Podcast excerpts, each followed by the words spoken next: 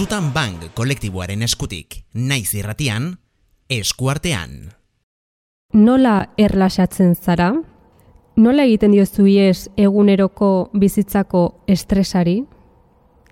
Kaixo garazi.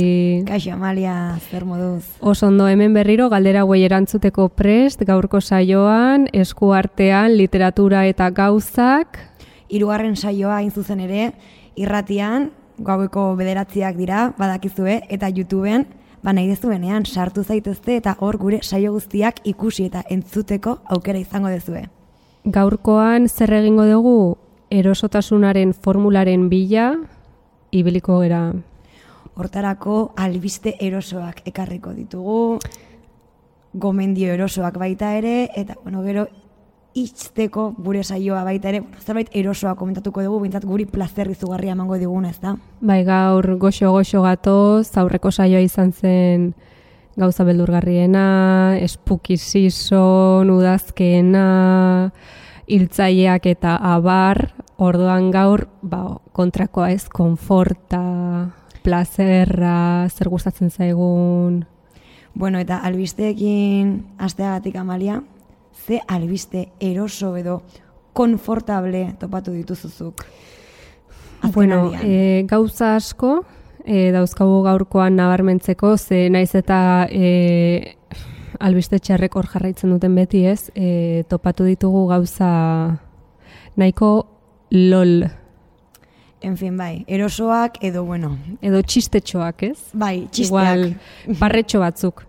Hoixe. Bueno, orduan, e, lehenengo adibidez, e, ponbotarren familian, ponbotarren klanean, hau norbaitek ez badaki, ponbo da e, Espainiako familia real e, haren pareko familia bat. Bai, da familia bat, bueno, e, ezagutu beharrez dena berez, baina e, gure sare sozialak e, konkistatu dituztela esan dezakegu, inbaditu egin dituzte, eta orduan oso zaila da ez jakitea enortzuk diren, zaila da benetan. Eta, e, eske, emategi dizkizute gainera, jarraitzaile bezala, ba, momentu plazentero asko, ez? Bat izan daiteke Maria Pombo aizpaztarrena ezkontzan jarri zuten Espainiako himnoa. E, Elizaren barrua. LOL. Nork ez du nahi, ez? E, momentu benetan e, patriotiko bat bizi horrelako Badakizu- egun berezian. Badakizu aurten eukidetera ezkontza bat Eliza horretan. Bueno, ella, influencer. Baino etzen egon e, inungo himnorik egontzan aurreskua. Osea, izan zan, de repente, pum, plot twist, Elizarentzat. Bai, beste aldaera bat, ez? Bueno, ba, familia honetan ze gertatu da, ba, Maria Pombo honek e, ila teinitu du, eta ja ez da la rubia de España, orain da morena. Orduan, e, nik hemendik e, bota nahi dute defentsa bat e, morenen alde, ze jende rubioak e, ezin egona sortzen dit batzuetan, esan beharra daukat. Burruka batean, zunoren alde jartzen zera, rubiaren alde edo morenaren alde. Ba, agian, ba, ez dakit amalia sekula planteatu dilema hau, osea, ez dakit. Bueno, ba, nik esango detena da, honekin, ba,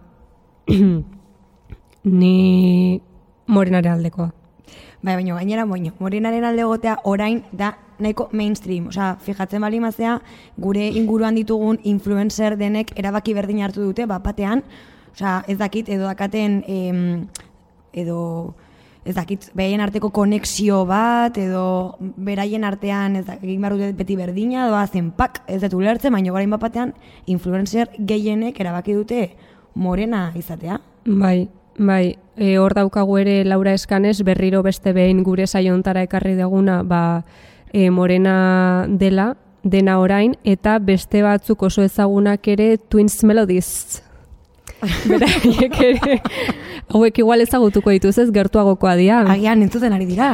e, ordiziko alaba kutxunak. ¿Ez? Que se dice? Bueno, Bai. orduan, eta e, Ponboren Marta aizpak eduki du alaba bat e, dela, deitu diote, e, jarri diote izena Matilda, Maria Ponboren semea da Martin, Martin eta Matilda, bueno, ba ondo, ondo doaz, eta Marta honen e, nobioa da getxoko pijolin bat. getxon, bueno, badakigu zer dagon, ez da? Bai, tipo guapola luze bat, bai. Neguri getxo, bai. Esango nuke bai, eta ber, Julen konfirmatu mesez, bai, hemen gure bizkaitarra dakagu, Julen beti kamera atzean, eta berak bizkaitar bezala konfirmatzen digu eh, neguri getxon dagoela, seguraski neguriko izango da. Seguraski. Ez dakit, hainbeste ze ez dut bilatu ez, baino ni beraren gatik oso pozik nago ze bera eh, beste senar bat edukizun lehenago, Ah, dibortziatu. Bai, bai, eta hau nik uste bere, claro, bere mm, giro gertukoenean zerbait oso deigarria izango zala, ez? Bai, bai, de, gaina oso katolikoak dira, eta Mm. berez imaginatzen dut, bere lehengo hizkontza elizan, ez da, ba, eman zela, orduan, Ba, ez dakit baino seguraski. ba, bigarren ezkontza hori ere elizan izateko, ojo kuidau, elizari eskatu behar diozu, eta esango nuke Vatikanoari baino, enago ziur, e, eskatu behar diozu zure lehenengo ezkontza hori ba, Anulatzeko. anulatzeko. Bai, nik uste ez, ez dela ezkonduko elizan, ja, bigarrena. Igual, bai, hau edakate poderio. Hau juten dia Vatikanora eta ate denak zabalik. Aber non bataiatzen, duten umea. Getxon. Eh, te imaginas?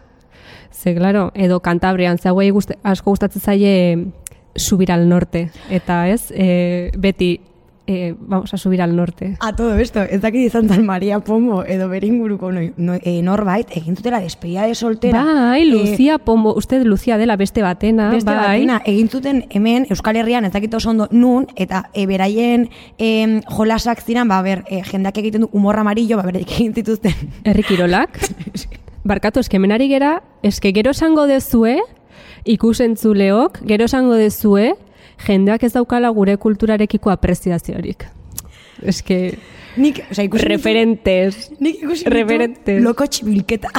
Claro, eta pasako zuten super ondo, gainera, seguro. Baina izan zen alucinante. Ikustea, e, bak, Madraka, ezaugarri- madraka kuadrilla, e, ezaugarri konkretu hoiek, ez da, e, bueno, bai dituzten pertsonak horrelako gauzak egiten, osasanu, wow, e, bizitzak beti daka zerbait erakusteko, zerbait berria. baino beraiek oso ondo pasatzen dute, Bai. eta hori beti da, e, norbaiten alde esan behar den zerbait, eh? Divertitzen badakite. Bai, hori da, baita ere ezaugarri positiboa, izu hori, e, denok jakin beharko genuke. Baiek pozik bizi dira, osea hori hala da. E, naiz eta gainera prentsa guztia gainean izan, ze claro, badakigu influencer hauek zerbait egiten bali badute, jak, beti egongo dela hor paparatzion bat argazki ateatzeko. Izan ere, Laura Eskanesi hori gertatu zaio. Eske Laura Eskanes Laura Eskanes is the moment. She is the moment. Eta e, beste saio batean, ba, komentatu behar dugu zergatik, baina nobio bat jarri diote ez. E, Bai, hain zuzen ere, Álvaro de Luna, esaten dute dela bere mutil berria. famatua Em, omen da.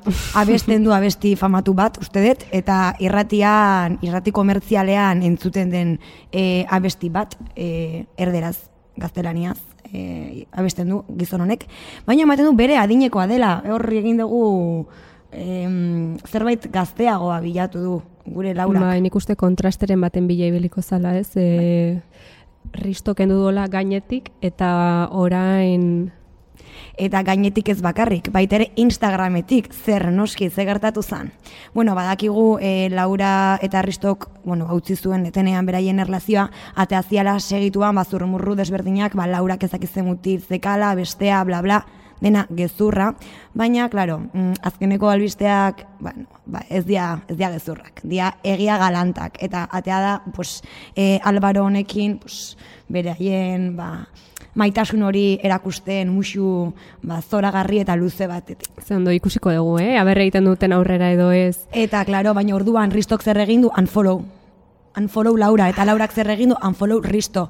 Eta orduan Laura juntzan lehengo egunean, bueno, ba, dulzegidak aurkeztu duen dokumental eh, horren premierrera, hain zuzen ere, dulzeida al desnudo dokumentala Amazon Primen dagona, esken fin jantzakite zer egin, baina hau ere egin dute, Dala, intzutenan bezala Las Campos, Las Campos.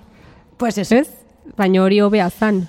Bai, bai horre bat zekak. Hori mamia. izango zan hobea, ze, karo. Eta gero hortikan atea zan, e, las kamposetan e, gazteena dan aizpa, eta hain Ka- dago aztope. Carmen. La Carmen. Bai, bai, bai. Hori gero gora juntzan, hori, Bai, pun, hor- pun.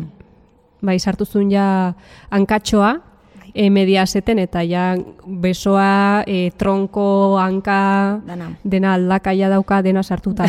Gero, aste honetan ikusieten beste albiste bat, e, Miss Argentina eta Miss Puerto Rico ezkondu dira, Me encanta. Benetan izea? bai, eta esaten tipak, e, osea, dira, e, Miss e, bi emakume, eta ezagutu ziala 2008ko e, txapelketan, eta sekretuan mantendu zutela, sekretuan, claro. Ze aurkitz, hau da, e, arkeologoak bezala aurkitz dituzte jobi berean, eta e, los, histori, los de historiólogos diran que eran mejores amigas. Ba, hauek ere orain atzera begira esaretan, eta, bueno, bazauden pistatxo batzuk, baina, bueno, zorionak, Hemendik pozten gera eta, bueno, muak bat zuentzako guapas. eta ondo pasa eta disfrutatu. Beste albiste zoragarri bat eta atsegin bat izan da, hemen neri, mua, neri garaziri, Instagrameko zuzketa bat tokatu zaiola. Nago emoziona. Behingoz, behingoz. Lehenengo aldia, osea, e, parte hartu dut zozketa askotan, eta esate, nun, pf, hau ez da inoiz tokatzen. Eta azkena, tokatu zait. Konfirmatu dezakegu, eta ez da gutxi, e, Instagrameko zozketak benetakoak direla. Bai, bai, bueno, eta gaina ze tokatu zait, e, liburu bat, osea, nago super pozik. E, noren liburua eta nork egintzun zozketa, ba, nerea loiolak hain zuzen ere, nerea eskerrik asko hemendikan musua. Beste muak bat zuretzako guapa. Gainera, e, bueno, zozketa hortan zuk erabaki behartzen ze liburu nahi zenun, eta gero ba, zozketa hortan sartzen zinan, eta igual tokatzen zen, eta igual ez. Bani gaina, e, sartu nitzan, e, zazpige udalekuak e, liburuaren zozketan, bere lan berria hain zuzen ere, eta jak niri tokatu zait, e, oindikan etxera ez zait iritsi, baino zai zainago ze gaina ematen dudala liburu interesgarria oso desberdina. Escape book bezala definitu dute, hau da ez da bakarrik irakurtzea, baita ere ba, agian erronkatxoak egin beharko ditugu ba, irakurketan aurrera jarraitzeko, eta beraz hemen nago irrikitan irakurketa berria hau ba, jorratzeko eta irakurtzeko. Egingo dugu jarraipena horri ere, albisteiaren urrengo atalean nabarmendu nahi nuke jar, jaso degula lehenengo feedback positiboa, e, zale batena, esanez e, zorionduz gure lana, bro, Haupa, e, ari gera tak, tak, tak, tak, tak, pikopala, pikopala. Eta honekin ze esan, gehi, ze gehitu honi, besterik gabe, argitaletxe bat daukazu, nahezu zure liburu agertzea gure saioan, bidali. Bidali guk, ez daukagu inolako mugarik. Mese, ez tabakaleran gaude, e, bueno, e, kultura munduan ibiltzen zeatenak badakizu eta bakaleraren Erreferentziazko zentro bat da, Denok dakigu tabakalera donostian, hemen, beti presente, e, gu hemen gaude grabatzen, berriz ere mendikan baita ere eskerrik asko bideo tabakalera. Bueno, zuek bidali honea liburuak, osea, zuek bidali lasai guk irakurriko ditugu. komentatuko ditugu, partekatuko ditugu, eskerrak emango dizkizugu publikoki, Eta e, nik nahi nuke partekatu ere beste ez da liburu bat, ez da novela bat, ez da mikroipuña, baino da bat buniren tuit bat. Eta e, da nik uste dut e, ebasioarekin eta e, placer bilketa honekin e, lotura zuzena daukana, da, berak esan zuen, sean intensos, el desinteres aburre.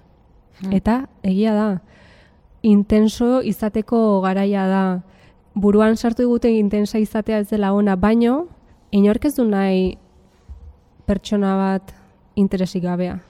Bai, e, nik hemen aipu txiki bat, e, nahiko nuken ere kuadrillakoek batez ere tuita hau entzutea, edo irakurtzea, ze beti dakagu gure e, elkarrezketetan, Adi, e, ba, ez, ez da bai da hori, zer da intenso izatea, ber, guko dakigu, badakigu, gu intensa batzuk gerala, eta oso harro gaude, gustatzen Bai. zaigu, gure izaeren parte garrantzitsu bat da, baina beti dakagu, ez, zer da intenso izatea, zer Oso zu izatea, ez? Zu, guztiz zu. Eske pixkat lio igual ematen du ez ulertzeko, baino eta Rosaliak ere esaten zuen, izan cringe.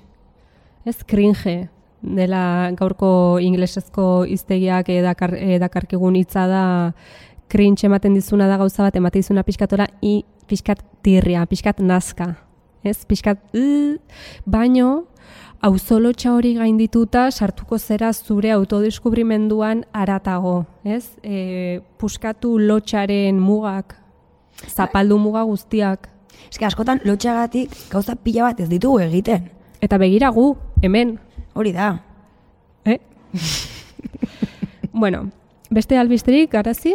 Bueno, baia bukatzeko, e, albiste, ba, plazentero bat da, zutan banek bideoklip bat grabatuko duela, hemen bai pixkat autopromoare egin behar dugu, zeba ez?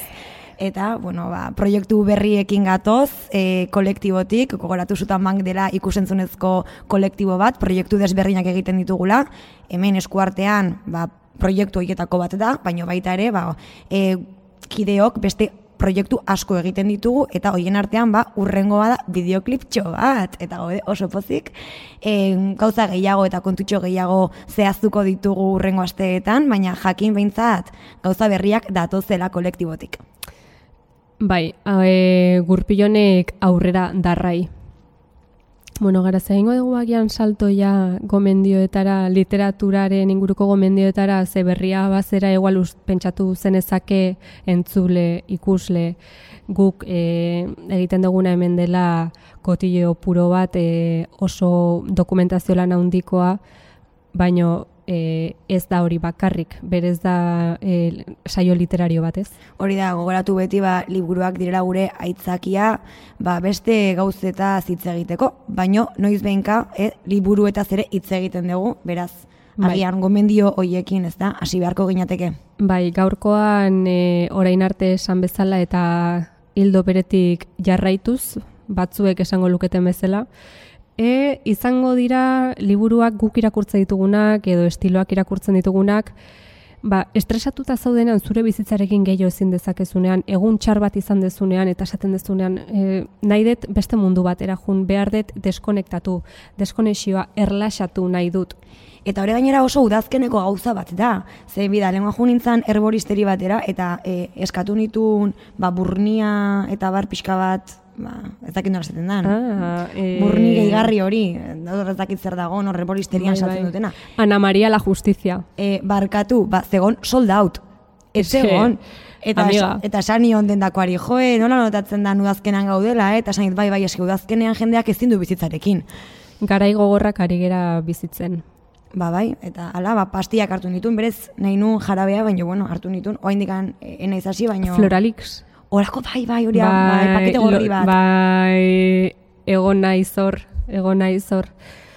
E, bueno, vale, e, hasiko gera gomendioekin, nik lehenik eta behin, esan nahi dut, e, nik maite detela irakurtzea niaren literatura. Horrela nagoenan, nagoenean pixkat mm, banoa jun nahi dut, hemendik, nire bizitzatik, nire burutik, nire realidadetik, ostegun, asteazken, astelen honekin ezin dut gehiago, zer egiten dut, e, ba, asko gustatzen zait, e, genero literario hau dela, ba, pixka bat e, niretzako e, sentitzen naiz e, protagonistaren edo kontatzen duen pertsona horren bizitzan e, begira bezala e, zulo batetik, eta kotileatzen. Baina zer da zehazki ni generoa?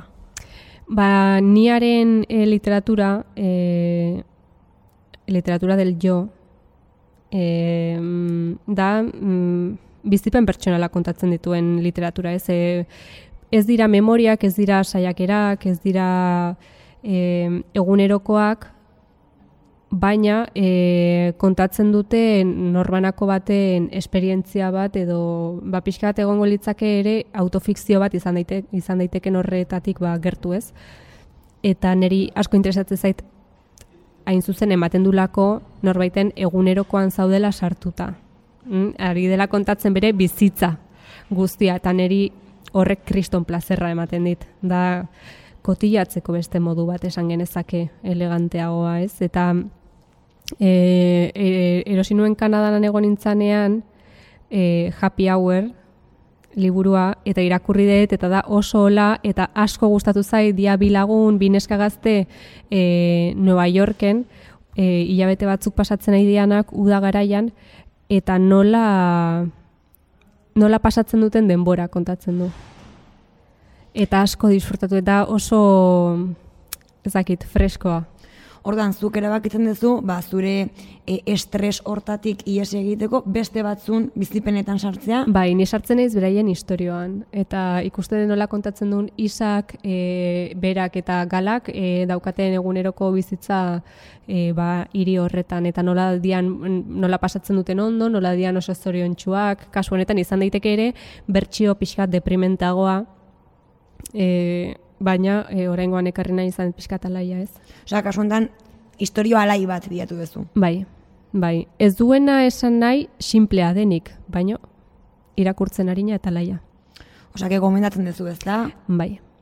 Bueno, nire kasuan ere gustatzen zait beste batzuen istoriotan murgiltzea, baino egia da, igual pertsona txarra naizela, izan daiteke, baino nagonean ja nire bizitzarekin ezin detela, e, jotzen dut, ba, historio nahiko gogorretara. Honekin zer esan nahi dut. Osea, que justo kontrakoa, ez? Hori da, e, kasu hontan, bai esango nuke, e, niaren genero hortatikan nahiko hurbil e, kokatzen naizela, autofikzioa edo inkluso askotan e, fikzio gutxi eta auto asko duten e, ba, lanetara hurbiltzen naizela, baina egia da askotan eta hau benetan egitet konturatu gabe, baina saio hau prestatzerakoan ba, hartu bet pixka bat baita ere konstientzia joera hori detela, hartzen ditut e, historio nahiko txungoak. Eta agian da, ba, esaten dut, ai ba, ba beste batek ni baino gobera okerragoak bizi ditu, orduan, nerea ere erlatibizatzeko erabiltzen dut. Bai. Ez dakit, e, psikologo batek esaioa entzuten bali madu mesedez, e, komenta dezala YouTubeen ere e, bere diagnostikoa zein dan. Baino, holanik, hola pixkata osnarketa eginda, ez dakit, azalpen hori eman diot, ba, nire jarrera honi. Kasu honetan, azken aldian, ba, nik ere estresa detenean, eta nire eguneroko rutinatik ies egin nahi detenean, lehenik eta baina hartzen ditut e, novela grafikoak, bai? Hori seguro. Ze novela grafikoekin, bueno, ba, beste irakurketa bat egiten duzu, irudiak ere normalean bueno, ba, txekinak dira, ez dira bakarrik letrak, eta nik hori asko disfrutatzen dut. Eta, e, azken aldian, ba, ebasio hori lortzearen, e, jodeet, marjane estrapi e, ba, ilustratzaile eta idazlearen lanetara. E, nik idazle hau ezagutu nuen urtarriaren batean, bueno, lehenago, e, olentzerok ekarrezitelako liburua, baina urtarriaren batean, aurten irakurri duten lehengo liburua izan da. Eta asko gustatu zitzaidan bere enfokea. Zergatik, e, bueno, bera da iraneko e, idazle bat, bai, eta bueno, ba, berak bere bizipenak kontuan hartu eta bere perspektibatikan ba, baita ere jorratzen du feminismoa. Eta oso ondo datorkigu ba, feminista txurioi, ze konturatzen gera feminismoa ez dela bakarrik txuria. Eta beste kolore batzuk ere hartzen dituela feminismoak askotan feminista txuriek aztu ditugunak. Orduan pixka bat, ba, baita ere gure bizioa irekitzeko e, ondo etortzen zego. Eta hainbeste disfrutatu nun lan honekin, de hecho gure jarretzaile batek Instagramen, gure Instagrama da abildua eskuka da, e, komentatu ziten beste lan batzuk ere oso interesgarriak zitula, eta e, bueno, bere lan haundia izango litzateke Persepolis. Persepolis berez dira e, lau liburu. Eta gero egin du ba, liburu potolo hau, eta hemen biltzen dira ba, lau lan hoiek. Bai? Eta kasu hontan hemen e, autoreak esplikatzen duena da ba, bere harremana e, jihadarekin. Hijab. Hijab, ui ama. Barkatu beti nazte naiz, nola da, nola da? Hijab. Hijab, eske beloa ez nuen esan ez ez da beloa, eta berriro da. Amari. Hijab. Hijab, barkatu hemen dikan, e, nire ba, hankasartze honengatik konturatu gabe izan da. E, Baina, bueno, men, ba, bere harremana esplikatzen du, nola bere ba, herrialderen e, historian emandako ba, iraultza desberdinengatik eta aldaketa politikoen ondorioz ba, emakume bezala e, bere egoera ere aldatzen dela, Europara etortzen da, Europan bizitakoa ere komentatzen du, ea esplikatzen du zer dan ba, Europan imigrante izatea, eta bar, eta bar, eta bueno, Eta pixka bat, e, ba bere herrialdeko egoera hori e, ulertzen duzu eta baita ere bere bizipenak ba, Europan. Eta oso irakurketa interesgarri ditu zait, baita ere ba, ebasio hori ez da, ba, lortu dut, e, bere azalean sartu naiz, eta bueno, ba, horrelan ere errutinatik ere ba, atera naiz pixka bat. Irakurketa harintxo batez, zure une triste eta lanpetuetan deskonektatzeko. Bai, neska, psikologo batek mesez e, diagnostikoa. Bueno, arazorik ez daukazu, eh? Arazorik orengoz ez daukazu. E, beste gomendio bat, beste egiteko bat lagun, e, lagungarri izan daitekena horrelako egoeratan. ba, beti esaten deguna ez, gustatzen zaizun autoretara bueltatu, sakondu beraien lanetan, nik irakurri dut orain ere e, joan didionen de donde soy, ba, eske, crush, crush, begira. Begira, ze guapa. Señora, bueno, eta joan didionek ze kontatzen du liburu honetan, de donde soy liburuan, bada e, saiakera eta memoria eta kazetaritza lanaren arteko banasketa bat, eta kontatzen du Kaliforniako historia. Eta joan, joan didionek kontatzen du ba bere familiaren historiare bai. Eta jazta, eta kontatzen dizu, bueno, gauza historiko pila bat, eta asko gustatu zait, egia esan. Ez zuri gainera esan dakoa, idazlea, idazlea asko gustatzen zaizu. Bai, ni idazleagatik iritsi nintzen ona ez, ez nire e, liburu historikoekiko daukadan e, trajektoriagatik zen normalan ez ditut ez ditut aukeratzen horiek. Naita nahi ez, baina joan didion beti. Eta kasu honetan liburu honek zerbait berria ekartzen du bere em, idazteko modutikan urruntzen da edo be- bere estiloari eusten dio. E, da bere estilokoa, bere ba, eleberriak, osea fikzioa ez den bere lanen estilokoa. Eta bera kazetaria zen eta asko nabaritzen da nere ustez eta oso ondo egiten du bilketa lan hori ez. Eta oso ondo kontatzen dizu ulertzeko bere herrialdearen historia nolakoa izan den, historia.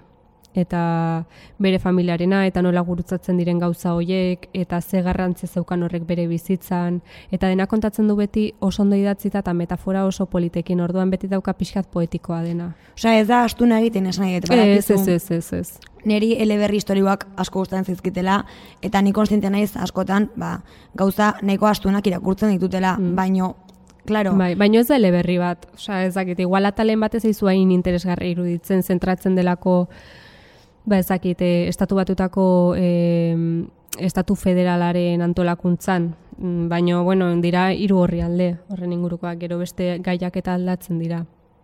osea, errex irakurtzen den Bai, zerbait. bai, bai, ez da, ez da dramatikoa, ez da negar egitekoa edo tristura ematen dizuna edo ditu gauza asko gainera niretzako guztiz ez ezagunak zirenak, eh, ez dakit eh, harremana klase soziala eta em, aeronautikaren sektoreko langileena, eta, bueno, ba, gauza batzuk, e, pf, nola ureztatzen duten Kalifornia, gauza batzuk, ba, bueno, ba hori, mm, zakit, nik en, ez, enekien ez errorren inguruan, ez, eta, ba, polita da.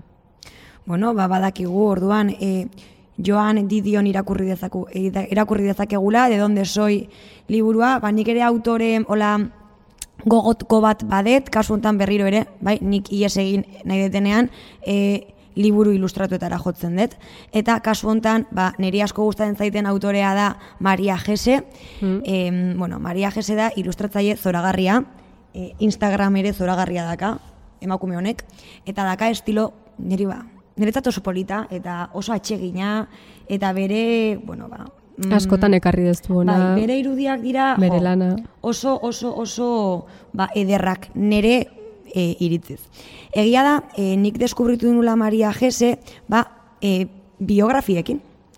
E, azken finean, bueno, nik eukinun, e, hau dagoeneko azaldu dut, baina bueno, berriro azalduko dut, irratian lehengo aldiz aitortuko dut hau, e, naiz pixkat obsesiba. Eta orduan eukinun em, garai bat obsesionatu nintzela Frida Kalorekin, oso originala ni ere badakit. Baina bueno, nik ere eukinun Bai, obsesio hori. biak eh, ditugu, biok ditugulako momentu batzuk fijazioa handikoak, ez? Gauza oso zehatzekiko.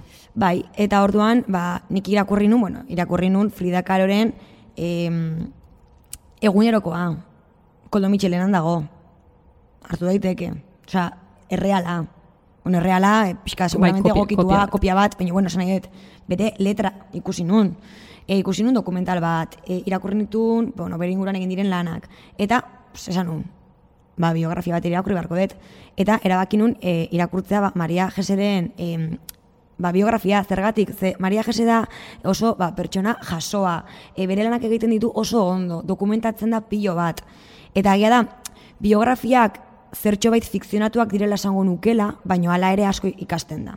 Eta, bueno, nik ikasi nun pilo bat Fridaren inguruan, eta e, lagunei utzi nien, e, bueno, nik beti lagunei uzten diet irakurtze deten guztia, eta pues, hori ere, ere utzi nien, eta e, nire lagun batek oso jatorra den lagun batek, em, oparitu ziten Merelin, una biografia. Merelin.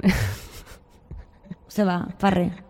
Grazia egin dit. Baina da, Merilin, ez? Bai. Ah, bale, barkatu, batzutan gaizki esaten ditut izenak, gertatzen da, baina oraingoan ondo, oraingoan ondo. Bueno, total, eh, irakurri nuen lan hau, nik egia esan Merilin ez duen ezagutzen, Simas, banekin hortzan, bale, bizen izelako mundu honetan, mendebaldean, eta pues, denok ezagutzen dugu nordan, denok dakagu buruan bere irudia, ba, soineko em, txuri horrekin, Marilyn Monroeen argazki bat dago intza tabernan. bai, Nik uste bera dela, bai. Agian. Bueno, datu nahiko random bat. Bueno, total, denok dakigula norden, baino benetan pertsonaia ezagutzen dugu, ez pertsona. Nor zen Norma Jean? Aha, that's the question. Hori da galdera, total. Ba, hemen, deskubritu nula, emakume zoragarri bat. Enun espero.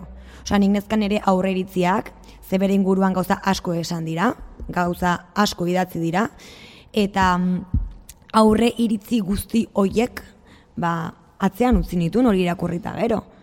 Gero ze gertatu da, ba, Netflixen atea dala pelikula bat, se supone e, bere biografia jorratzen duna. Fikziozko liburu batean oinarrituta dago. Mesez, hori egingo dugu azpimarratu, fikziozko liburu batean oinarrituta, bale? eta da, nire ustez, desastre bat lan hori. Osea, Ana de Armasek oso ondo egin du bere lana, txapo, baino historioa iruditzen zait, nire ustez nahiko txarra.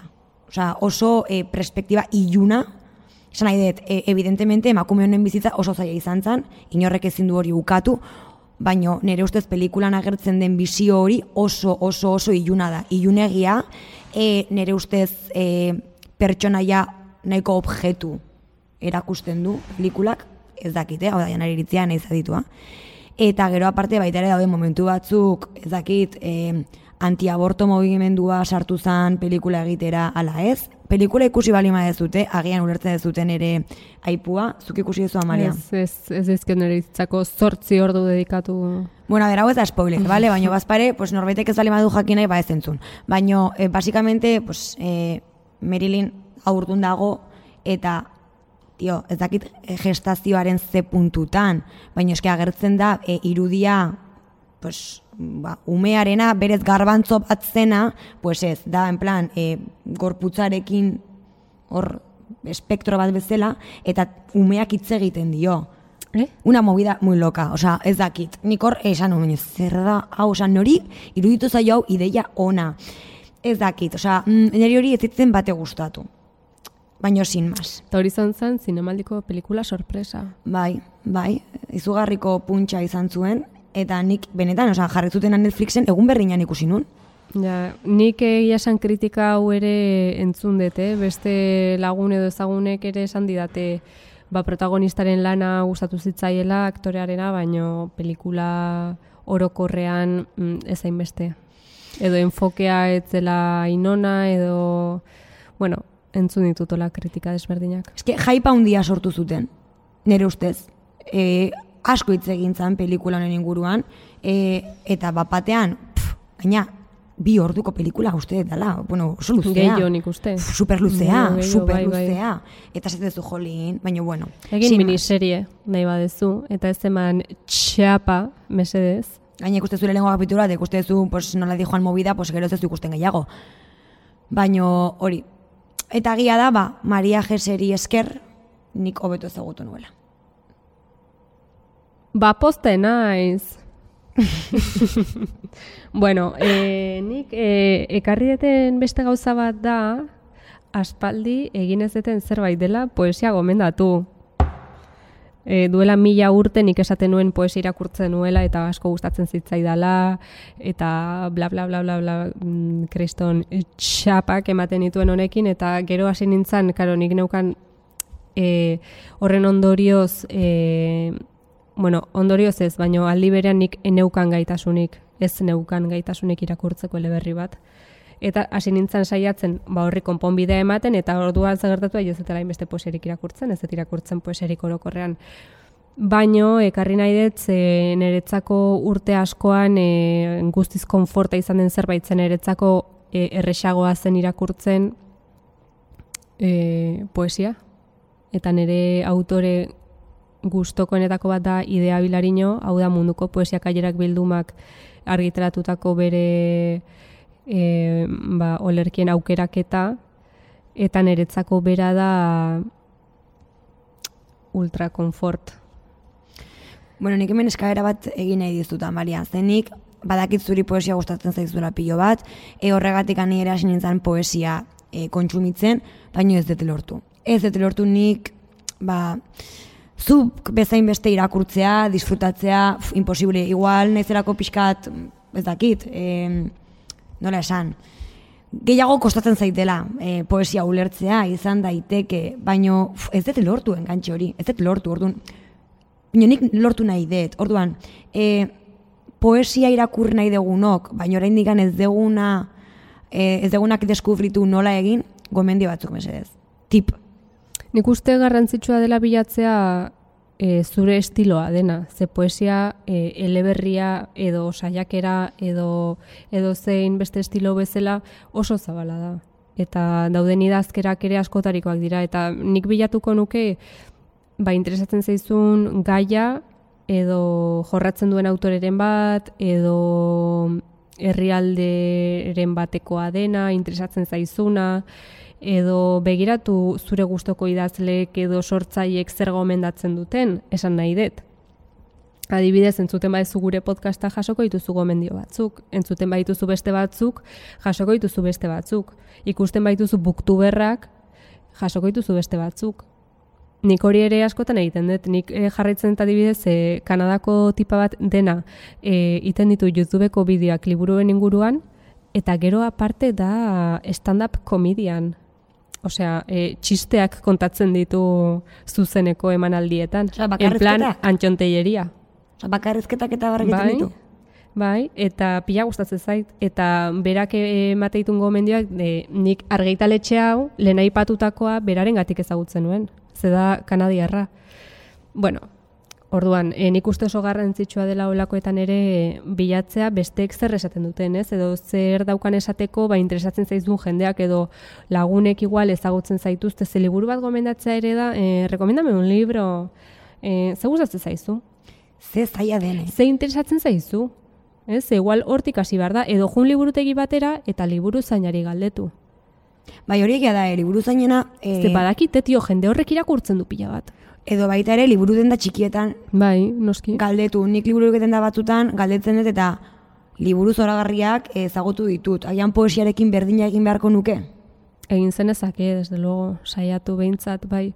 Aurrekoan ikusi nuen, e, bueno, entzun nuen Sara Torres idazleak, nola e, e, ginen beraren inguruan hitz egiten, egin zuen elkarrizketa bat, e, tardeo podcastean, dela pasan nizuna, elkarrizketa, eta berako zegaletzen zion justo elkarrizketatzaileak e, berari em, zergatik e, uste duen dela e, batzuentzako hain zaila edo zergatik ematen duen poesiak dela gauzat murriztua publiko oso txiki batera, ez? Edo ez dela inaccesiblea edo kosta egiten dena eta berak nabarmentzen zuen mm, ba beste lan bat eskatzen duela, ez? Irakurleari beste ritmo bat eskatzen dio, dedikazio bat batez ere hasieran igual izkerara ere ohitu arte, baino ez duzu irakurri behar igual liburu osoa, ez? Osea, zentratu zaitezke hasiera batean ja oi, olerki bat e, irakurtzen eta saiatu ulertzen eta zer nahi dizun kontatu horrek.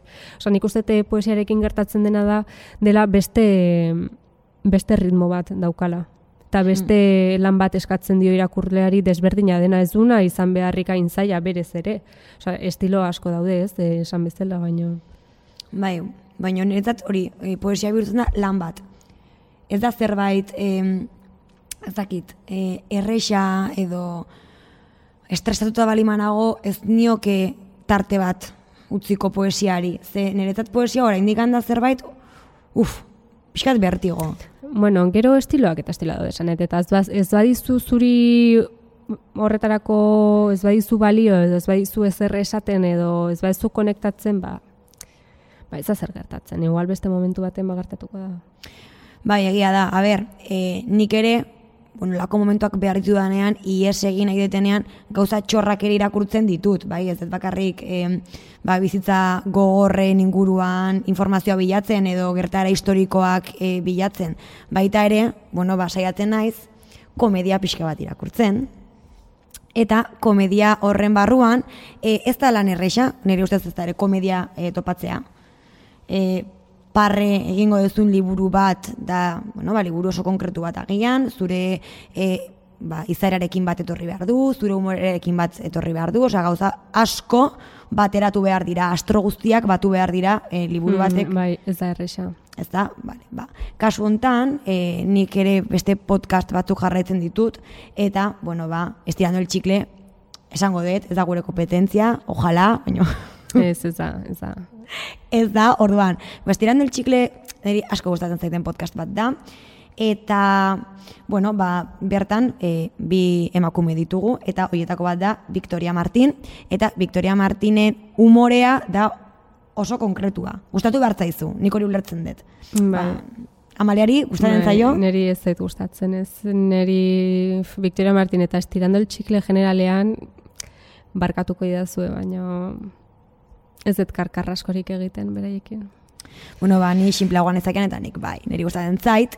Eta, bueno, ba, Victoria Martinen umorearekin bate egiten dut askotan. Ez beti, baino bai askotan. Orduan, e, berak bere lana e, argitaratuko zuela, orain dela, ba, hilabete batzuk esan zuen, Instagramen, eta esan nun, ba, nik hori irakurri behar dut. Eta orain dela gutxi atera den liburua dau, e, ez dakit hilabete bat edo. Bai, nik uste oso berria dela. Nahiko berria da, orduan, bueno, ba, nik eskuratu egin dut e, liburua eta irakurri dut. Eta agia esan, bida, Eta ze kontatzen du hemen honek? bueno, bada, e, hiru tipen e, historio bat, protagonista barbara da, nire ustez protagonistak badaka Victoriaren zerbait, osea, ez da Victoria, ez da e, bere bizitzan oinarritzen, baina bueno, bai, nire ustez da bere pertsona fikzionatuta. Eta daude gero beste bi lagun. E, bere lagun bat da bere pixukidea eta gero bestea da ba, bueno, ba, hiruak zian eskolako lagunak Opus Deiko zentro batean ikasi zuten hiruek eta bueno, Victoria Martinek errealitatean Opus Deiko zentro batean ikasi zuen. E, hortik ez da inoiz, olasten diren historiak ez dira ondo bukatzen. Bueno, total, Eh, ba, hiru e, neska hauek e, eskolan ezagutu zian eta gero bakoitzak bere bidea jarraitu zuen. E, protagonista eta bere pixukideak ba, elkarrekin jarraitzen dute eta ba, beste e, ba, hirugarrenak beste bide bat jarraitzen du. Ba, bueno, ba, pixka bat bide hori e, gizon heldu batekin ezkondu, dirua, e, Txakurra.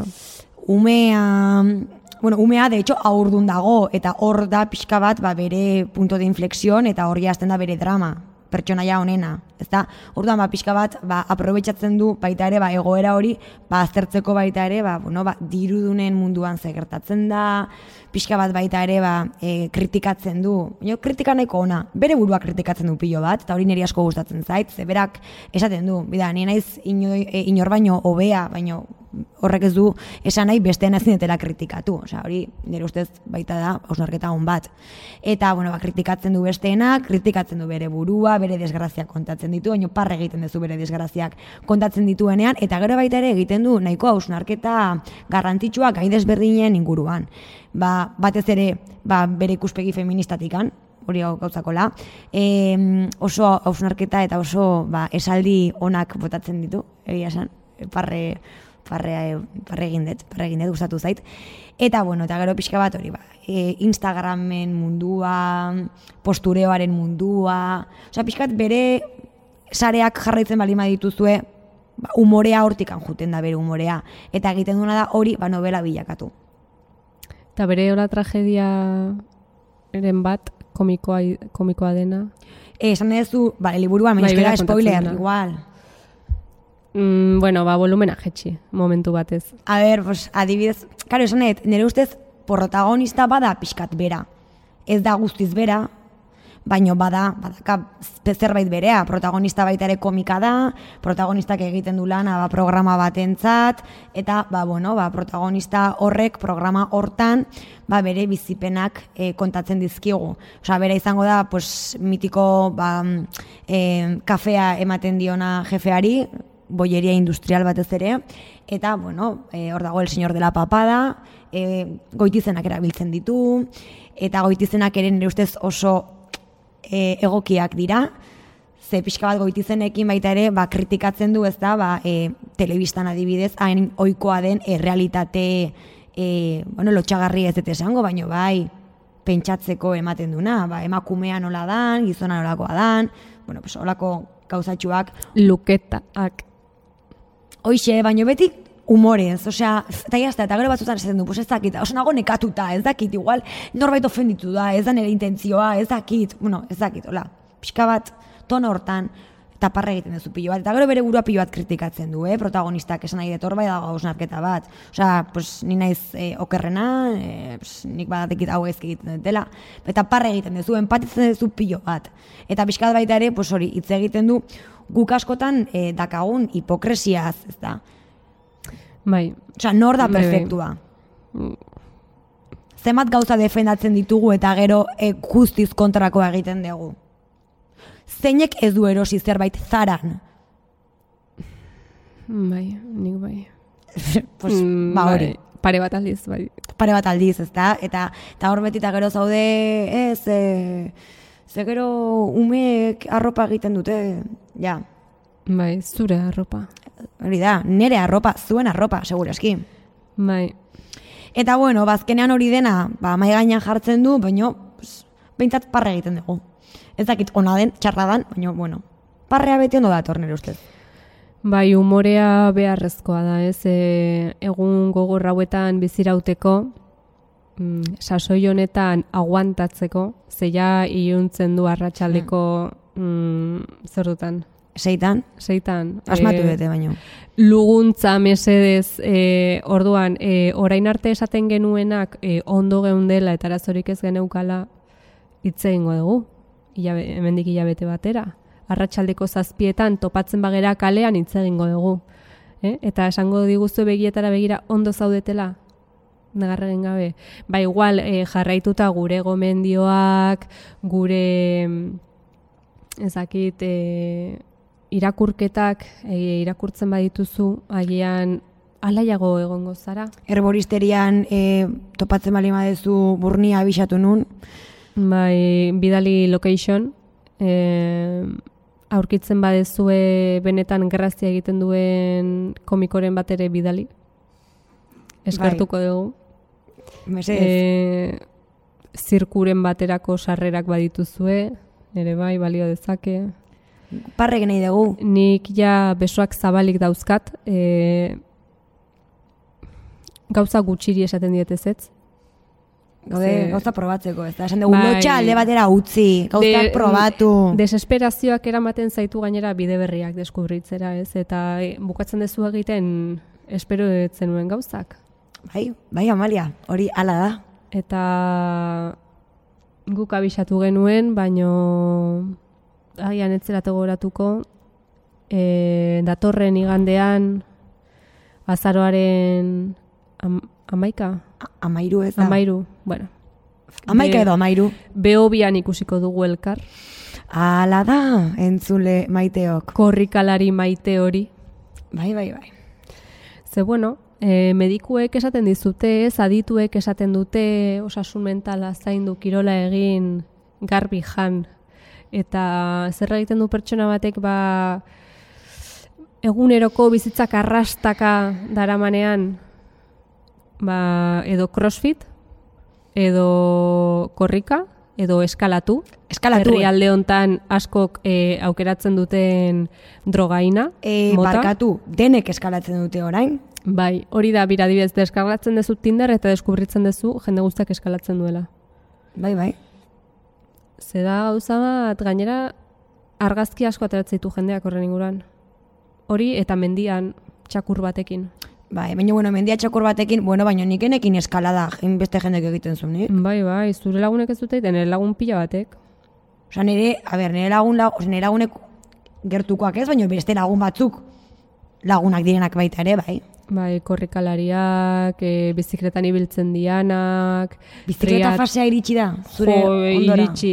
Iritsi, bai, Bai. iritsi eta gelditu daramaia... Bai. Nere ingurura ere iritsi da, eta sutamaneko ingurura baita ere.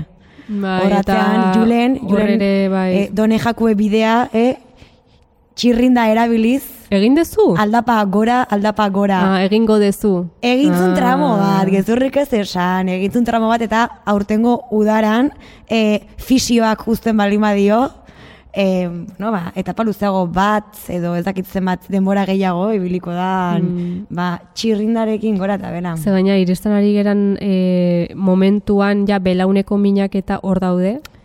Bai, hori da. Kontu zibili behar da, ondo berotu mugimendu asko egine, mobilidadea landu, Claro, garazi, ojo, eske, ni lengoan egon, a ber, nik behobia egingo nuela, esan nuen, ba, lehen urteko behobian. Ze hori da, behobian gertatzen den zerbait, jutezea behobia ikustera. fenomeno bat da e, koronavirusa bezain kutsagarria dena. Eta zu jutezea behobia ikustera, hor zaude, atope, jendea ikusten, emozionatzea baiekin.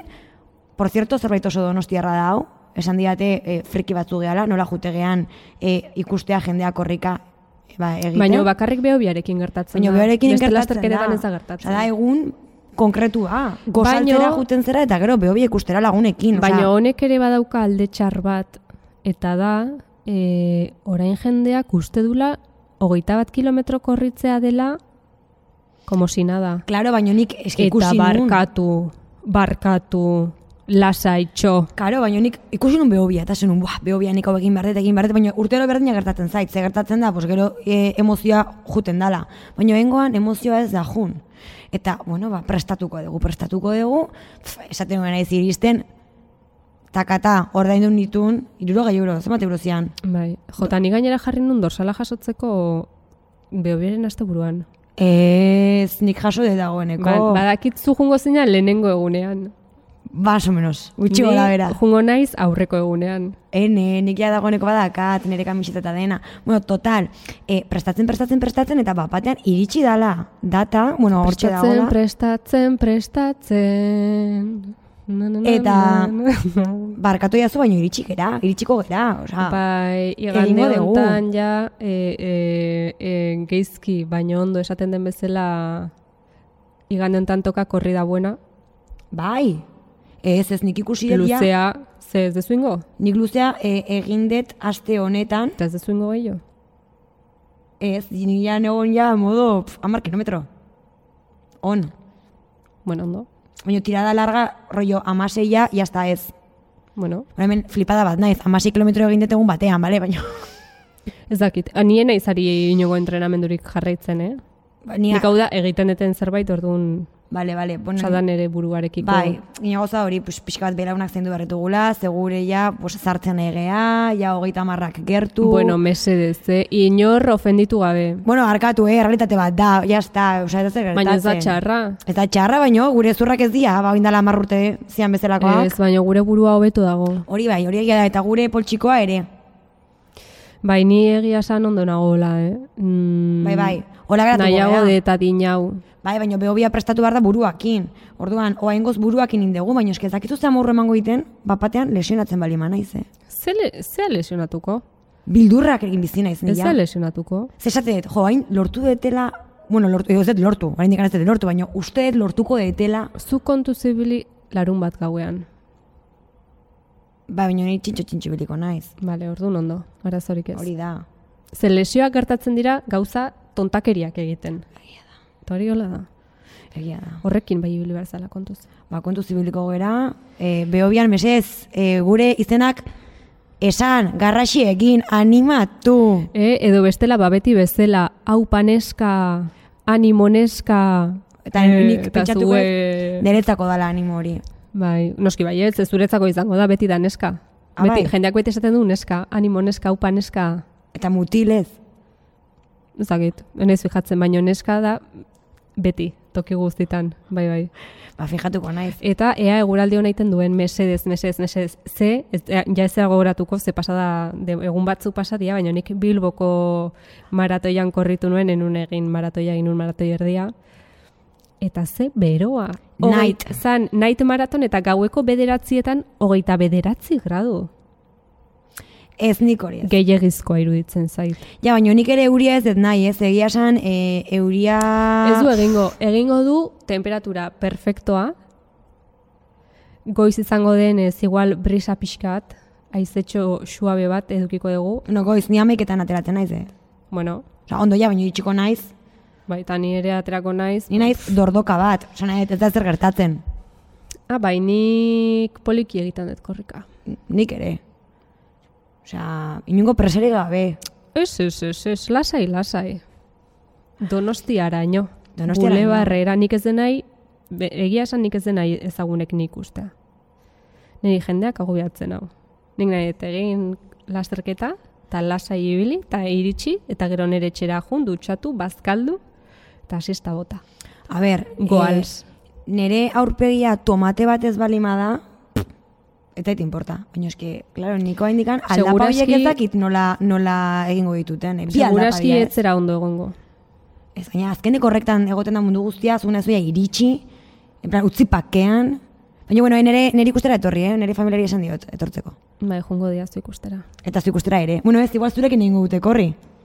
Nik familiako kideekin egiten dut korrika beti bai. Eta behobia zurekin egingo dute. E, amaketanik e, beti normalen elkarrekin egiten dugu korrika, honekin ez pentsatu nire ama denik e, atxozar e, motela, nire ama da e, Iron Manak korritzeko moduko e, emakumea, ez ditu Iron Manak korritzen, eh, baina bueno. Eta nire izpada doa ba, aurretik, osa ni naiz familiako motela. Bai, baina orduan, e, bai Baita aizpak, batek ere egingo du, bai, dakizute izebak egiten zuen, Behobia genetan orduan. bai, ba, ezakit bai egiten dugu korrika familiako askok, Oso bai, oso bai. Nez, nire e, espe- familiako esperimento soziala. Ikusiko dugu abertzen bat. Esaten dutenez, kabeza de fletxa. Hoixe, hortxe. Bueno, e, saio hau biltzeko, e, dena batera ekartzeko eta zuek guztiak usteko ba, mezu positibo gozo eta alai bezain umoretsu batekin e, bildu dugu kuote bat. Hau da, e, influencer pentsalari gipuzkoar oso ezagun baten esaldi bat, e, bera da Mikel Perez Artola, aka elkonkiseko guapoa, eta berak esaten du bere Instagramean take a break, kogete una rotura, austurak hartu. Hori seguro itzultzaile neuronala erabiliz egin duen posta. Sakona mezua, e, jaso denek ola bota duen jakituria, barneratu, Eta jarraitu Instagramen zutalman, arroba eskuka da, e, YouTube, Twitter, ez dakit beste sare sozialik e, dagoen, baina seguro badagoela. TikTok ere bai. TikTok, TikTok, claro, TikTok. Bai. E, muxo handi bat, naiz irratiari, mil esker, e, tabakalera, bideo, eskerrik asko, Mil esker eongo gatxik. bi aste barru berriro ere naiz irratian, gaueko bederatzetatik aurrera. Muak.